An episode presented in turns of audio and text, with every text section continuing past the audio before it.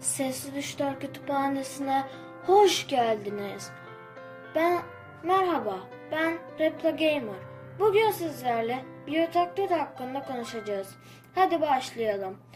Önce isterseniz biyotaklit nedir bir hatırlayalım. Biyotaklit nedir?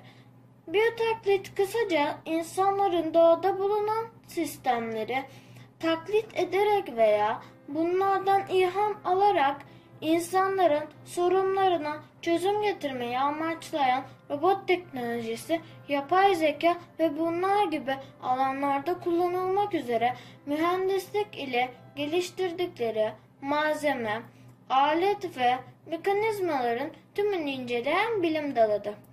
Ben öncelikle gelecekte belki yapılabilecek bir biyotaklit örneği vereyim. Bence mesela gelecekte bir bukelemun gibi renk ve desen değiştiren bir safari arabası yapılabilir. İsterseniz şimdi birkaç tane örnek vereyim. Mesela hızlı trenler yalı çapkını kuşundan esinlenilmiştir.